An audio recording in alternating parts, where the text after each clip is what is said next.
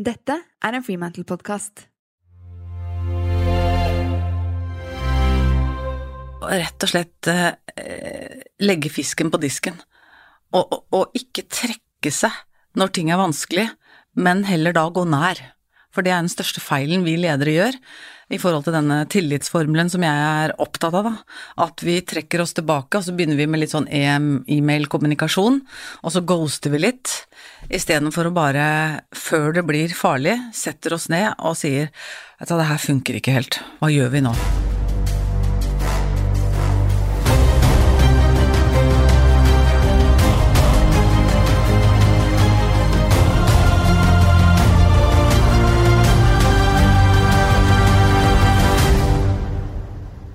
Er mentaltrener Cecilie Ystenes Myhre, og i podkasten Grit skal jeg gi deg noe av hemmeligheten bak suksessen til ulike fremadstormende mennesker. Mennesker som har grit. I sesongen i høst så skal du få møte veldig mange spennende gjester. Vi snakker Vanessa Rudjord, vi snakker Oda-gründer Carl Munthe Kaas, vi snakker landslagsspiller Stefan Strandberg, toppadvokat Jon Christian Elden, skuespiller Ane Dahl Torp og mange flere. Disse gjestene deler villig av sin erfaring, mentalitet, innsikt og kunnskap. Og husk at på slutten av hver samtale så får du en kort oppsummering sammen med en øvelse hentet fra mine bøker Stå støtt og Mental styrketrening. Slik at du kan jobbe med din grit. Anita Krohn Traaseth er første gjest i sesong to. Anita er kjent for de fleste av dere, tipper jeg. Hun har jo ledet flere store bedrifter, bl.a. Innovasjon Norge og Håpe. Og hun er mildt sagt dyktig på å snu motgang til energi og drivkraft fremover. I dagens episode får du vite mer om hva som driver henne, og hvordan hun står støtt når det virkelig blåser. Hvilke setninger opp igjennom har gitt henne ekstra driv, og hva betyr egentlig Godt nok for de svina, som både er navnet på boken Anita har skrevet, og podkasten. Anita trener på en litt annen måte enn veldig mange andre, men kanskje er det akkurat dette her også som har gjort at hun aldri har blitt utbrent. God lytt.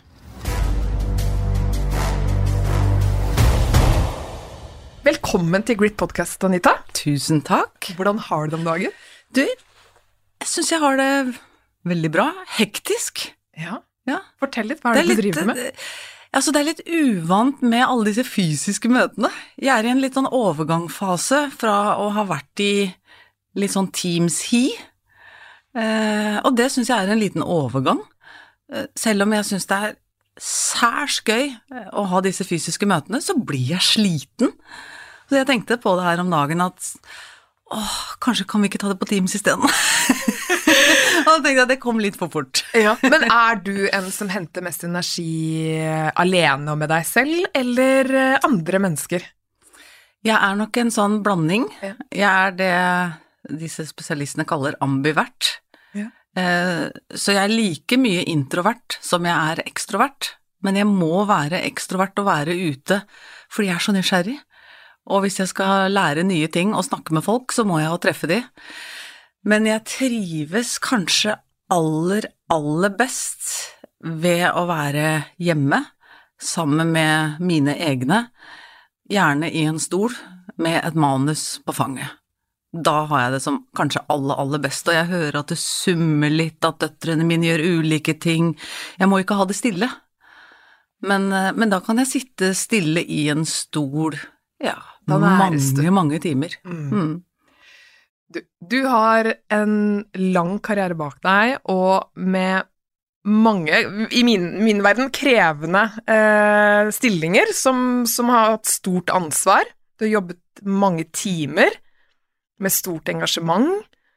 Hva er det som liksom i bunn og grunn driver deg?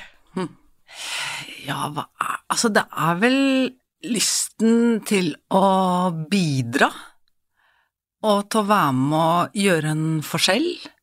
Og så syns jeg at jo mer kompleks og vanskelig ting er, jo gøyere syns jeg det er. Sånn at eh, jeg har jobbet i store, komplekse organisasjoner med ja, ta IBM og HP, da, med liksom flere hundre tusen ansatte, og det å navigere i et sånt system, bli kjent med folk, produktene, markedet, finne retning, eh, vinne sammen, eh, caser, og close caser syns jeg jo er kjempegøy. Så jeg vet ikke, det er vel det å bidra, da. Det å ikke sant, Jeg har jo en jeg har jo en bakgrunn hvor jeg er veldig innforstått med at eh, alle ikke kan bidra eh, på samme nivå. Eh, jeg hadde en mor som For henne så var det jo veldig utfordrende bare å stå opp om morgenen. Og har vel det fått det litt sånn inn i ryggmargen at hvis du har noen kapasiteter og energi, så bruk det. Ikke sitt og lur på om du skal bruke det, fordi alternativet er så innmari trist. Så det tror jeg kanskje så tidlig, og at jeg er mer bevisst på at uh, ja, men alt er mulig. Det tar litt lengre tid, det tar kanskje noen omveier, men det er mulig å endre ting. Mm. Men er det andre ting fra oppveksten din eller livet fram til nå som, som ha, har blitt sånne mantraer? Som du lever etter? Eh, ja, jeg, jeg, pleier å ha sånn jeg har litt lyst til å skrive en bok som heter Setningen. Fordi at eh, ofte så er det sånn at du har hørt en setning, og den kan være positiv eller negativ, men den gir deg en slags sånn drivkraft til et eller annet. Du glemmer liksom aldri den setningen. Og så er det sånn at de som har eh, fortalt deg eller sagt den setningen, er ikke bevisst på den effekten den gir deg, da. Men jeg husker jo veldig eh, Altså den første setningen som ga eh, energi, og kanskje først og fremst trygghet veldig tidlig på at jeg er mer enn god nok, og at jeg ikke havna inn i den dette flink pike eller flink gutt-syndromet, det er jo godt nok for i svina. Det var jo min fars egentlig første sånn læresetning. Og det har jeg jo skjønt i ettertid, at han parerte det litt når jeg kom til han og var litt oppgitt og lurte på om jeg kunne få hjelp til noe. Så kanskje ikke alltid han egentlig kunne bidra, men det han gjorde var å kunne gi meg den setningen sånn at jeg kunne stole på at dette finner du ut sjøl, Anita. Det, er, det er, ikke farlig, det er bare, dette er ikke rocket science, det er bare å sette seg ned. Andre klarer det, klart du klarer det. Så istedenfor å sitte ved siden av meg og gjøre leksene eller komme med masse kunnskap, så ga han meg heller den setningen der, da. Og så husker jeg jo en annen setning veldig godt fra gymnaset, eller det heter jo nå videregående. For jeg har alltid vært veldig glad i å skrive, og leverte egentlig veldig gjennomsnittlig på det. Jeg fikk tre minus stort sett alltid. Og da var jeg litt sånn fortvila, fordi jeg, jeg, følte ikke helt at det var sammenheng mellom gleden jeg hadde av å skrive og tilbakemeldingen jeg fikk. Så da tok jeg litt mot til meg da og gikk opp til norsklæreren og spurte henne hva, hva skal til for at jeg skal utvikle meg og bli bedre til å skrive, for dette her er jo ikke godt nok. Det er jo, det er jo tre minus. Og så bare kikker hun på meg nesten litt sånn Hvorfor kommer du hit og bruker min tid? Og så sier hun den setningen jeg da aldri har glemt. Du blir aldri noe mer enn en treer, du, vet du, Anita. Wow. Ikke sant? Og den husker jeg jo kjempegodt, men det Da, responsen min da var sånn Nei, men ok, det læreren sier er jo riktig. Da kommer ikke jeg til å bli god i norsk, men det trenger jeg ikke heller. Jeg kan kline til i historie og andre type fag, og så behandler jeg norsken, ja, det blir treere. Så da liksom sa jeg til meg selv at du, nå trenger du ikke å bli skuffa lenger, for at du, du kan ikke bli bedre her, sier læreren. Så det, det er ikke noe å gjøre noe med. Helt til jeg da kom opp i norsk i tredje klasse, da tenkte jeg ja ja, norsk skriftlig, dette blir en treer igjen. Så jeg var mest opptatt av å gå innom kiosken, kjøpe masse godteri, og så Og kose deg gjennom! Og kose meg gjennom, fordi at da var jeg bare noen uker før jeg skulle flytte til Paris med en venninne og studere fransk. Jeg tenkte fuck off, altså. Ja, nok ja. å se fram til! en treer til, det skal jeg klare. Og så kom jo oppgavene, da, og da var det jo noveller som jeg var veldig glad i å skrive. Og jeg satte meg ned og og skrev, eh, og brukte en time, og så dro jeg. Tenkte jeg ikke mer på det. Dette var sånn sekstimersprøver, eller? Ja, dette var sånn ja. heldags, ja, heldagsprøver. Skriftlig ja, Eksamen. Ja. Eh, og så gikk det et par uker, og så ble, ble resultatene da hengt opp i aulaen på skolen. Og da har du jo sånn student- eller elevnummer. Og så gikk jeg og så sjekka, og så sto det mitt elevnummer, og så sto det fem. Så tenkte jeg, det her stemmer ikke. Jeg er tre. Her har noen gjort feil, det er litt dårlig gjort å liksom putte en femmer der. Så jeg går inn på kontoret til lærerne eh, og ber de rette opp feilen, og sier at her er det en feil. Og så sier de nei, dette er riktig. Og så går det et par dager til, og så får man jo tilbake den skriftlige eksamen. Og det var jo første gang i livet mitt at jeg så en femmer med sånn ring rundt. Og da gikk det en liten faen i meg.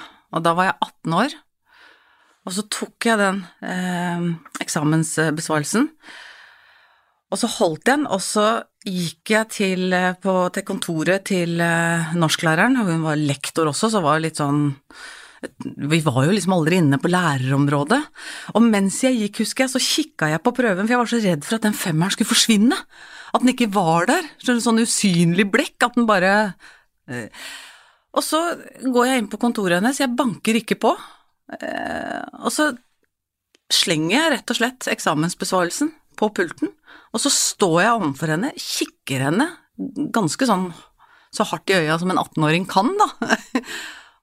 Og så peker jeg på karakteren, og så sa jeg og du som sa at jeg aldri kunne bli noe mer enn en treer. Og så snudde jeg meg, for jeg var ikke interessert i å høre hennes tilbakemelding, og så gikk jeg, og så var jeg ferdig med videregående. Og det den Og dro til Paris. Ja, Ja. og det den historien lærte meg, var, var da at jeg skal ikke la meg sette i bås. Eh, og min tidligere lærer kan ha rett. Jeg kan ha levert mange innleveringer jeg som ikke er verdt mer enn en treer, men jeg kan også skrive til en femmer. Det er mulig å utvikle seg. Så det var den, den tryggheten, pluss at den setningen, selv om det selvfølgelig det er jo helt feil av en lærer pedagogisk å si sånn til, altså alle er vi enige i det, men vet du hva, av og til sier vi ting både til barna våre og andre som ikke er spesielt pedagogisk. og for meg så har den setningen egentlig også holdt meg litt jorda. Så når jeg har opplevd store ting i, livet, som for eksempel da jeg ble sendt på Harvard, så tenkte jeg hva gjør denne treeren fra Sandefjord her? I'm not worthy, liksom. Sant? Så den holder meg veldig sånn åh, ja. Der ser man hva makten i ord, da, kan gjøre. Veldig. Ja. Nettopp denne ene setningen. Så igjen, dette her med å Det du blir fortalt, som også er negativt, kan du snu om og bruke til en, til en drivkraft. Derfor så det å hele tiden bli fortalt hvor fantastisk du er, jeg vet ikke hvor mye progresjon du får av det. Jeg tror vi alle trenger en sånn god blanding av ja, konstruktive, eh, positive, men også litt sånn møkkatilbakemeldinger av og til, sånn at vi får sortert litt ut. Ja, men hvem er jeg egentlig, da? Hva står jeg for? Hva vil jeg? Det hjelper deg med det. Dagens Næringsliv er min annonsør. Og nå skal de sammen med livsstilsmagasinet sitt D2 for tredje år på rad kåre 30 ledestjerner under 30 år. Dette er mennesker som gjennom handling og gode ideer gjør verden mer bærekraftig. Og det må jeg si, etter at eh, FNs generalsekretær tidligere i høst sa at koden er rød for menneskeheten, og la fram den hittil dystreste klimarapporten, så er jeg nå mer enn noen gang veldig glad for at DN er med på å sette fokus på hvordan vi kan løse klimakrisen. Årets ledestjerner er alt fra en shopaholiker som begynte å leie ut klær, en fotballspiller som har laget egen klimakampanje, en investor som putter penger i plantebasert mat, og veldig mange andre. Fra og med fredag 1. oktober kan du også være med på å stemme frem årets ledestjerne, og vinneren kåres 28. oktober. Og du, om du ikke abonnerer på D2 hjemme i postkassa di hver fredag som jeg gjør, så kan du fremdeles lese om alle ledestjerner og stemme på dn.no slash ledestjerne. Og jeg må spørre deg, for jeg vet at du er ganske interessert i filosofi, er du ikke Ja, det? veldig. Ja. Kan ikke du fortelle meg litt eh, eh, hva du drar ut av det i livet? Ja, altså Stort spørsmål, men- Stort spørsmål. Eh, Jeg tok jo eksamen filosofikum da jeg var 19, og ble altså så begeistra. Jeg syns det var så gøy. Eh, Men så, og søkte på statsvitenskap og kom inn, men så endte det jo med at det Jeg klarte jo ikke å forklare min far hva jeg kunne bli hvis jeg studerte statsvitenskap, så han var mer opptatt av at vi skulle få internasjonal erfaring. Så jeg dro heller da til Miami. Jeg liker at du sier vi. Ja, vi. Ja. og festa, rett og slett. Så det ble ikke noe universitetsutdannelse, da. Men ehm, det fineste med filosofi er at det gir deg ikke svar. Og det får deg til å tenke på en litt annen måte enn det du kanskje er skrudd sammen sjøl. Og jeg mener jo det at i ledergrupper og i sammensetninger, også i styrer der hvor man skal ta viktige strategiske valg, så trenger vi en mye større kombinasjon med humaniora. Vi trenger filosofene, idéhistorikerne, de som har en annen tilnærming til de store spørsmålene. Og de store spørsmålene for meg Altså, det derre finne ut av hvem jeg er og hvem jeg skal bli når jeg blir voksen, det er helt uinteressant. Jeg søker ikke svar på det i det hele tatt. Eh, er det noe jeg har lært av filosofien, er at det handler om å hele tiden være i bevegelse. Den jeg er nå, er ikke den jeg var da jeg var 30 eller 20. Og den jeg er da jeg blir 60 og 70 og 80, er ikke den jeg er nå. Ja, men det er jo det fine med det hele. Det å liksom absolutt skulle liksom definere seg sjøl sånn at jeg er, dette er min vei, dette er min greie. Jeg tror ikke på det. Nei. Så det å være i bevegelse er, er på en måte outputen din av Ja, det er nesten definisjon- hellig for meg. Ja, ja. Det å være i bevegelse, det å um, gå ut av komfortsonen, det å teste nye ting, kontinuerlig læring. Jeg skal igjen ta et masterstudie nå eh, i høst, ikke fordi jeg skal ha vekttall, men fordi jeg trenger input. Ehm, og foreløpig er jeg der at jeg, jeg trives best med den intellektuelle eh, inputen, og så suger jeg på den fysiske, ikke sant? Som jeg kanskje burde ha gjort noe med. Ja, det er mye vi burde. Ja, det er Vi- mye vi vi burde. burde. Ja. Men være i bevegelse, og så sier du ehm, viktig når jeg da er utenfor komfortsonen. Er det sånn at det, det at du har den innstillingen til livet, da, gjør at du får lavere skuldre når du beveger deg utenfor komfortsonen? Er det det du sier? Ja, altså jeg, jeg trives bedre utenfor komfortsonen enn status quo. Jeg vet nesten ikke hva status quo er. Eh, og det tror jeg handler litt om tidspunktet jeg kom inn i arbeidslivet. Jeg kom inn i IT-bransjen i 1996, og da begynte alle kurver å gå ned. Sånn at alle de historiene jeg hørte om fete bonuser og tall som gikk himmels, det er ikke en erfaringsbakgrunn jeg har. Jeg kan stort sett bare kutte kostnader, levere mye med lite, og det tror jeg har forma meg litt, da. Og det har jeg også tenkt litt på de siste årene, at det kunne jo kanskje vært litt moro å bruke de neste 20 årene på å være med å bygge opp noe, og ikke nødvendigvis transformere og kutte og omstille. Altså, hvor gøy må det ikke være å å bygge opp noe, da, og være med å få til den veksten og høre om alle de resultatene som man hadde på 80-tallet. Det har jeg tenkt mye over. Mens kompetansen min er ikke der. Mm. Kompetansen er å gå inn i tungrodde systemer og mobilisere for omstilling. Det er det jeg egentlig kan. Mm. Mm. Ok, og så eh, sier du ok, vet nesten ikke hva det er å stå, stå på status quo, eh, gå utenfor komfortsonen, og det som skjer ofte utenfor komfortsonen, er jo også at vi går en del på trynet, vi kan Mhm. gjøre en del feil. Er det, altså, fortell meg, for du har delt veldig villig, eh, både også i podkasten Godt nok for de syne, som er fantastisk, på hva vi kan lære av deg i sånne settinger, det er veldig, veldig gøy. Men hvilken feil liksom, kan du negge på den dag i dag som irriterer deg? Er det noen? Men jeg, jeg har egentlig litt sånn lite, jeg er litt sånn lite anlagt for nagging. Ja. Eh, og det kom egentlig fram også i den derre Sånn er du-podkasten. Eh, at jeg, jeg har veldig lite agg i meg. Eh, sånn at jeg prøver Så å deilig. Ja, jeg, jeg bruker veldig lite energi og tid på, på å være sinna eller eh, eller skulle ønske at noe var gjort annerledes. Jeg ser fort meninga med at ting blir annerledes, selv om ikke jeg nødvendigvis ønska det i utgangspunktet, så ser jeg verdien av det. Og hvis jeg ikke ser det der og da, så sier jeg til meg sjøl ja, men bare vent litt, Anita. Det kommer snart. Ja. Du kommer til å skjønne det. Men kan du gi et konkret eksempel på det? For det tror jeg er veldig nyttig for mange som også kanskje står litt i gjørma der og da, og, bare, Ja. og, og kanskje er litt sinna på seg selv eller andre nettopp for det, Ja. men som med tiden kan se på litt ting litt annerledes. Det er noe med å fjerne seg litt vekk fra situasjonen, og ikke ta det personlig. Og kanskje noe av det mest patetiske, spesielt de med lederansvar eh, kan gjøre, det er å ta offerrollen. Det, det kan du ikke ta. Du må gjerne ta den eh, når du er hjemme med dine, eller har jo, du har jo Alle har jo sine moments hvor man tenker bare shit. Men det er noe med det å bli når du som mest lyst har til å gå. Hvis du klarer det et par ganger i livet Det er en ny setning her. Ja, det er egentlig en sånn ny setning, altså. Um, og hvis du gjør det, så er i hvert fall min erfaring ved å ha gjort det, forteller meg at oppesiden er alltid større enn nedesiden. Men det betyr ikke at jeg ikke har hatt lyst til å gi meg og gi F og bare legge meg ned og tenke dette gidder jeg ikke.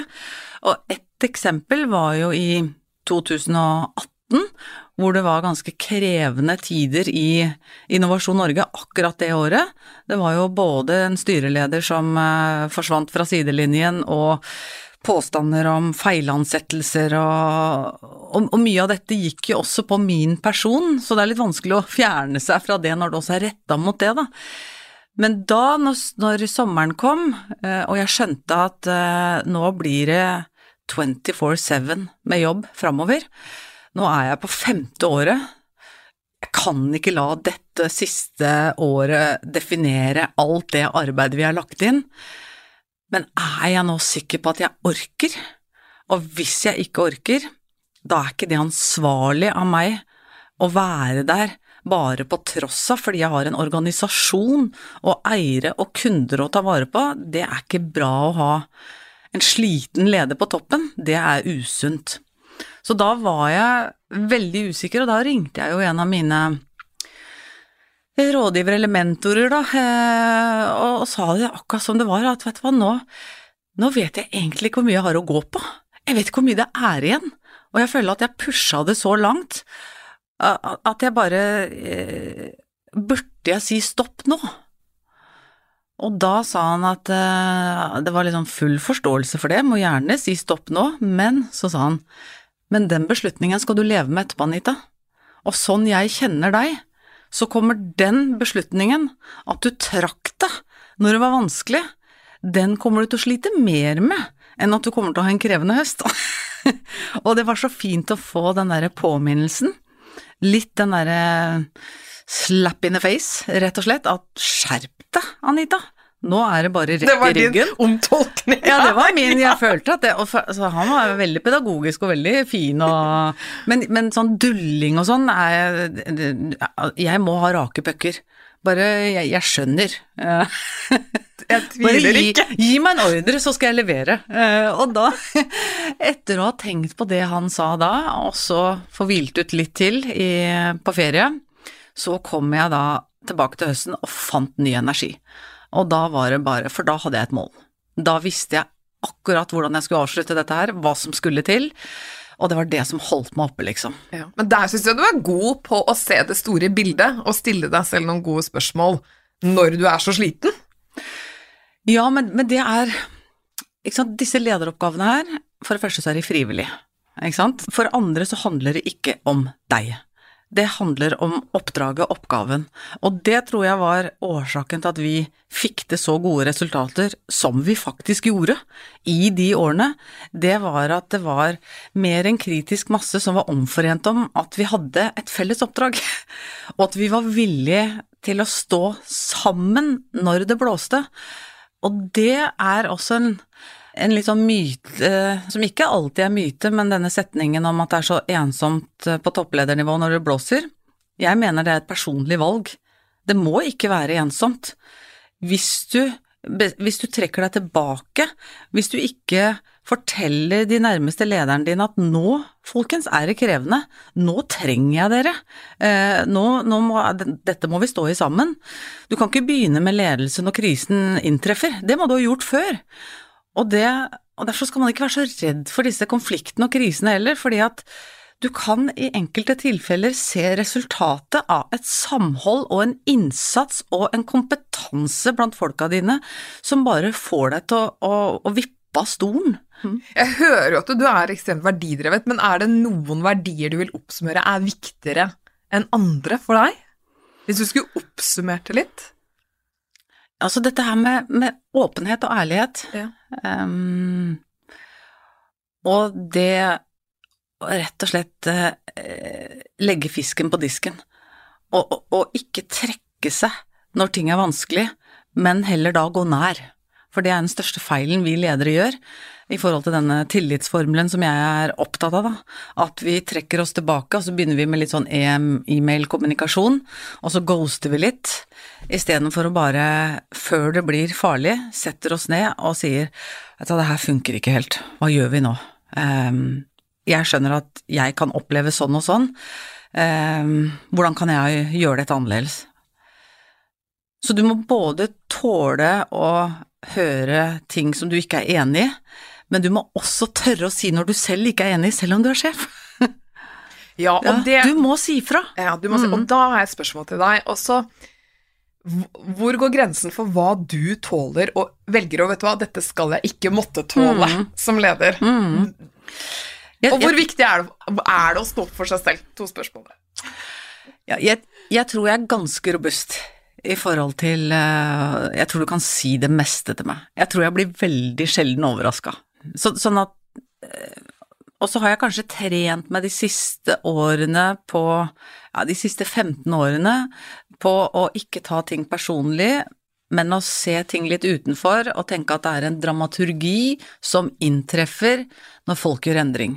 Uavhengig om du heter Anita eller Knut eller Bjarne eller hva du heter, hvis du skal gå gjennom en sånn prosess, så er det en del ting som inntreffer. Det jeg må jobbe med, er hvordan jeg navigerer i det, og hvordan, hvordan kan jeg lære meg å navigere på en måte hvor jeg har integritet, og, for det er viktig for meg. eh, At det, at det er konsistens mellom det jeg sier og det jeg gjør. Selv om man kan oppfatte og ha førsteinntrykk på andre ting, det er jeg ikke så opptatt av. Eh, Men de som jobber tett med meg, skal se at det er konsistens mellom det jeg sier og det jeg gjør. Jeg går ikke ut og sier eh, det er lov å gjøre feil, og så dolker jeg noen i ryggen etterpå.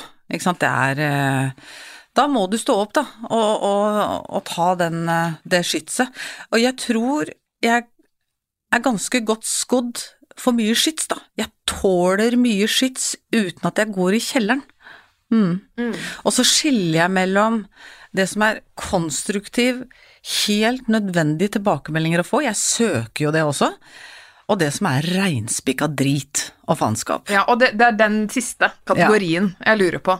Hva, hva og hvem er du da?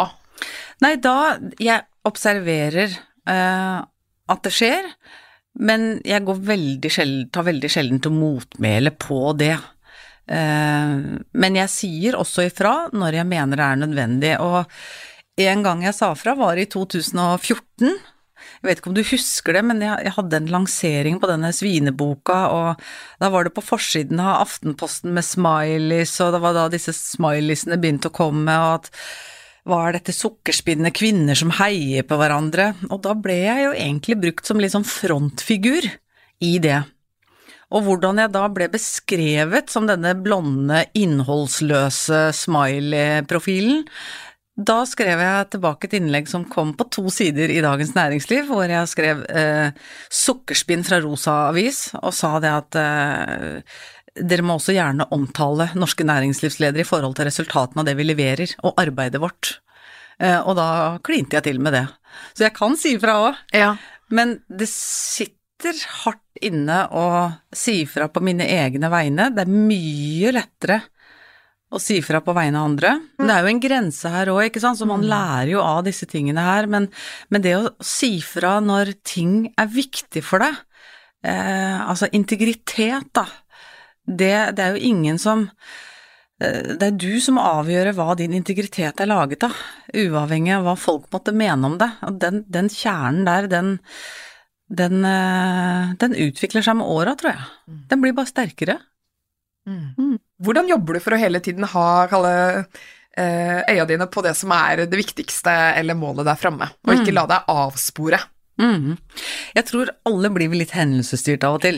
Eh, Det er jo sånn det er, og spesielt når du har et oppdrag som hele samfunnet er interessert i, eh, som går over statsbudsjettet, og, og som også er til dels styrt politisk. Altså da, da må du egentlig være veldig fleksibel og snu deg rundt, for plutselig, på 24 timers varsel, så kan du få beskjed om at Altså hvis du er toppidrettsutøver, da, så trener du mot et mål. Ikke sant? Du vet hvor stadion er, og du vet nesten hvem konkurrenten, konkurrenten din er. Sånn er det ikke i le- lederlivet, i næringslivet. Plutselig så kommer en konkurrent du aldri har hørt om, og så skal du på en annen bane, og så skal du fly på et annet land, eller til et annet land, og så får du plutselig ikke lov å trene med det utstyret lenger. Eh, og så, sånn at det er så mye endringer, sånn at du må finne den balansen mellom å ha øye på eh, det som er mål, og for meg da så er det retningsarbeid. Veldig mange jobber med går rett på strategi. Først må du jobbe med retning. Det er retningen som er førende for strategiarbeidet, som er hvordan du gjør det. Så det å skape litt det bildet på vi er her, vi skal dit, vi vet ikke helt akkurat hva som skjer når vi kommer dit, at det resulterer i de og de tallene, det kan vi ikke forutse, men du må tørre å ta noen big bets, og det er det vi, eller som driver meg, da. Så etter en sånn ganske nøye analyse av omverden og makro og hele pakka, og så sammenligning med liksom hva som er utgangspunktet til eh, på jobben da, og i organisasjonen, så velger vi ut noe vi skal satse på, og det legger føringer eh, for hvilke valg vi tar. Og det er det som driver når det blir sånn hektisk i hverdagen, at jeg hele tiden har øye på det.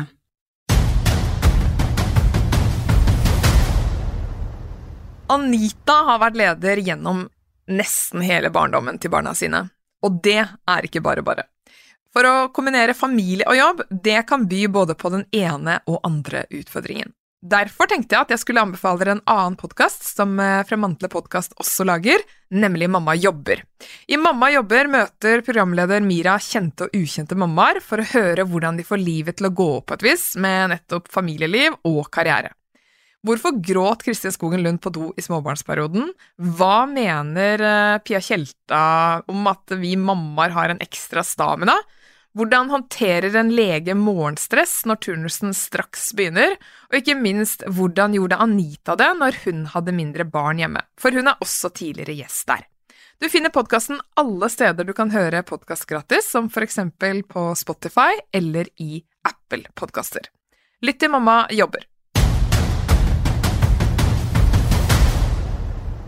I podkasten din eh, Godt nok for de svina, som du har sammen med Hege, der snakker jo du og Hege mye om betydningen av gode forberedelser.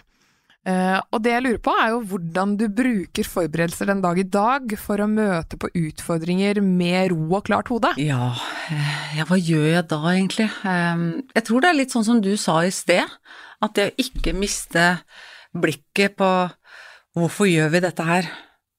At du alltid husker på at det er prosjektet det handler om. Eh, og alle de tingene som skjer underveis, og alle de fartsdumpene og de du får på trynet og hele pakka, det, det er en del av reisen. Så ikke bli for satt ut når du må kanskje av og til gå to steg tilbake for å gå fire fram. Altså ikke miste den derre troen på at det, det, det er noe lys i tunnelen her. Den tror jeg er, er viktig. Ellers så hviler jeg jo en del, da. Sånn at jeg, jeg er nok til å ikke være idrettsengasjert, så er jeg ekstremt disiplinert på tiden min. Og jeg føler veldig lite sånn dårlig samvittighet for at jeg burde ha gjort noe annet. Så jeg kan sitte på kontoret og glede meg til å komme hjem fordi jeg skal sove middag. Det er det jeg skal. Men er det fordi du rett og slett eier at du vet Jeg at det er en forutsetning for Ja, at jeg skal det levere? Er en foruts altså det er en del av Ja, det er en del av de fem om dagen for meg, da. At jeg, jeg, jeg må hvile. Fordi det er så mye som skjer, og jeg driver jo ikke med fysisk arbeid. Eh, det er jo kunnskap, så hjernen trenger å hvile seg. Den trenger å Hvis jeg hele tida skal putte ting inn i den harddisken uten å ta backup, så kommer den til på et eller annet tidspunkt å og, svikte litt, da. Ikke sant. Den glemmer ting, og, og det, det, er, det, er, ikke bra. Sånn at jeg prøver ca. tre dager i uka å få 45 minutter med god gammeldags ettermiddagssøvn. Ja. Men så skal det sies at nå har jeg store barn, ikke sant. Men jeg gjorde det også da de var små. Eh, og dette er jo en avtale som alle familier har jo avtaler på, på, hvordan man fungerer, og plutselig så stikker mannen din kanskje og trener en time der, og, og jeg ble jo møtt litt sånn, spesielt kanskje fra Hanna, da, eh, som mente at men herregud mamma, må jeg kommer for seint, du må kjøre meg på trening. Så sier jeg jeg skal ikke kjøre deg på trening, jeg skal trene sjøl jeg nå. Trene, du ligger jo i senga. Ja, jeg sover når jeg trener. Det er mammas form for trening, og hun, jeg tror hun syntes det var helt håpløst. Hvorfor kunne jeg ikke bare liksom Nei, det er også fordi at hun skal komme seg på trening selv. Jeg skal ikke drive og køle henne rundt. Dette må hun klare eh, å ta ansvar for, men også for å bygge en sånn forståelse og respekt for at det å hvile hodet er også å gjøre noe, det er et verb. Å sove peker på en handling. Verb peker på en handling. Det er ikke latskap. Det er å gjøre noe. Så, så det å sove er jo helt essensielt for meg. Mm. Det er viktig. Og så sette grenser. Så den introverte delen av meg, når jeg har stått på mye, da må jeg trekke meg tilbake igjen. For jeg blir sliten. Mm. Men nå om dagen har du mye energi? Ja, jeg har egentlig alltid mye energi. Ja. Eh, som mannen min sier, at jeg, jeg, sover jo ikke, jeg ligger jo bare til lading. ja. For nå er du litt rundt omkring i landet og har litt bokbad? Ja, altså september har blitt litt sånn, men det som jeg har brukt uh, tiden min mest på de siste to årene, altså rett etter Innovasjon Norge, det er at jeg har jobbet for EU i to år med å etablere et slags Innovasjon Europa. Og det har vært et fantastisk arbeid.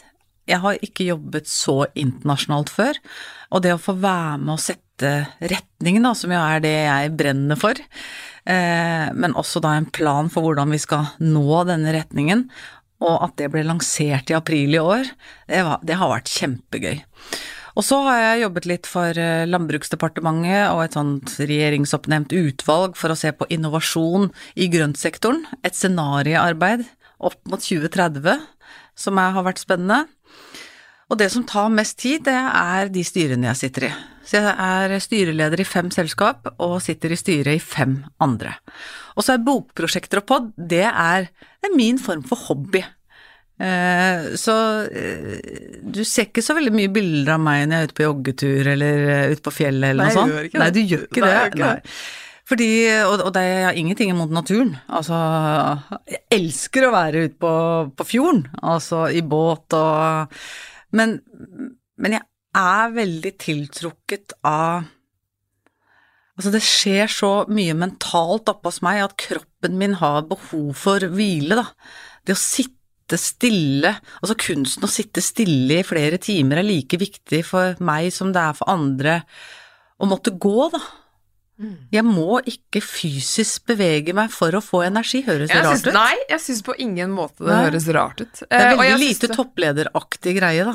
Ja, men der, der mener jeg at flere ja. burde også faktisk lære av, av, Apropos idretten, da. Hvis, vi er på, hvis jeg er med et landslag eller fotballag på samling, så sover de jo midt på dagen, ikke sant? For, ja, å, lade, det, ja, for å lade opp til treninga på ettermiddagen. Ja, det er så godt å høre. Ja, det, så det, Nei, der er jo ikke hvile eller restitusjon latskap. Det er jo igjen da, en forutsetning for å få ut det beste. Det, så jeg syns det er utrolig forfriskende at du eier eh, eier det og var ganske klar på at det, det må til. Ja. Og tenk om flere hadde gjort det. Da tror jeg vi hadde hatt færre utbrente folk som jobber. Vi hadde hatt færre sykemeldinger. Ja. Og, og den kognitive del av oss da, som jobber hele tiden. Hele lange tiden. dager, bare input, input, og så ja. Nei. Men jeg tror det er den hvilingen som har gjort at jeg på en måte aldri har vært i en situasjon Altså, jeg, jeg har vært i mange situasjoner hvor jeg føler at grensene mine har blitt strukket.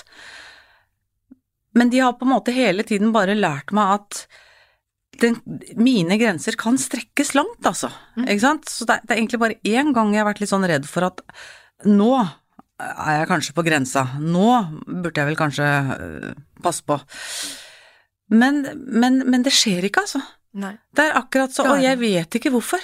Det bare trekker meg inn igjen, og så For det er jo mange rundt meg som har vært bekymra eh, når jeg har jobbet og tenkt liksom at ja, Manita, nå må du roe deg, du kan jo gå på veggen.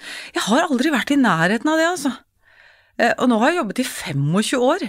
Vi har vært veldig, innom veldig mange essensielle ting også opp mot grit, men hvis vi tenker at det er flere som tenker at oi, det derre å trene på disse setningene og trene på en del av de elementene du nevner her, men jeg, men jeg vet ikke helt hvor jeg skal begynne. Mm.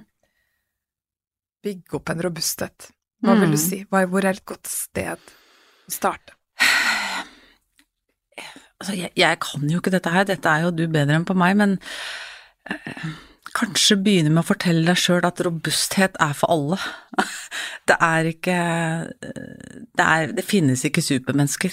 Kanskje noen er mer disponert og har lettere for å ta det til seg enn andre, men det kan trenes på. Så det, det er liksom bare å åpne opp for det, altså ikke liksom definere deg selv som ja ja, det er den gjengen som klarer det, jeg klarer det ikke. Så det er kanskje det ene. Ehm, kanskje en øvelse kunne vært hvis du setter deg ned, og så eh, setter du opp noen setninger. eh, fra, liksom, fra du var liten og fram til nå, noen setninger som du husker, og så setter du de opp, og så reflekterer du litt rundt situasjonen og hva den setningen har gjort med deg, og hva, hva du har brukt den til, og i så fall kan du bruke den til noe mer? Kan den gi deg mer energi? Og da ser du jo fort om du setter opp fem setninger som bare handler om at du ikke er eh, verdt noe som helst, for du har sikkert fått noen andre beskjeder også. Men det, det kan jo være én øvelse, jeg, jeg veit ikke. Jeg syns det var en veldig god øvelse. Ja, jeg, jeg, har, jeg har gjort det fordi jeg har skrevet, men så vet jeg at det er ikke alle som liker å skrive. Eh, kanskje de trenger å ta en tur i skogen, sitte opp på fjellet, Eller prate med noen om det, kanskje? eller prate med noen om det, men, men, eh, men jeg tror mentalt styrke og robusthet, det kan man virkelig trene på. Og det er den gode nyheten. Ja, vet du hva, det er, eh, det er ingen som her, her tror jeg folk har et potensial til å bli enda bedre enn det de tror. Tusen takk for at du tok deg tid til å komme til Grit, Anita. Tusen takk for invitasjonen.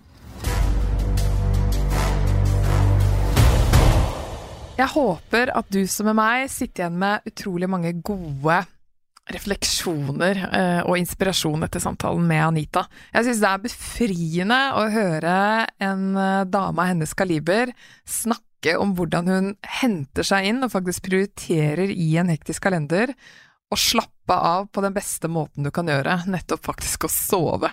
Det er så mye god hjerneforskning nå som viser at den beste måten å rett og slett gjøre seg kvitt avfallsstoffer og få reloada hjernen sånn at vi bare kan starte litt på nytt, det er jo nettopp søvn.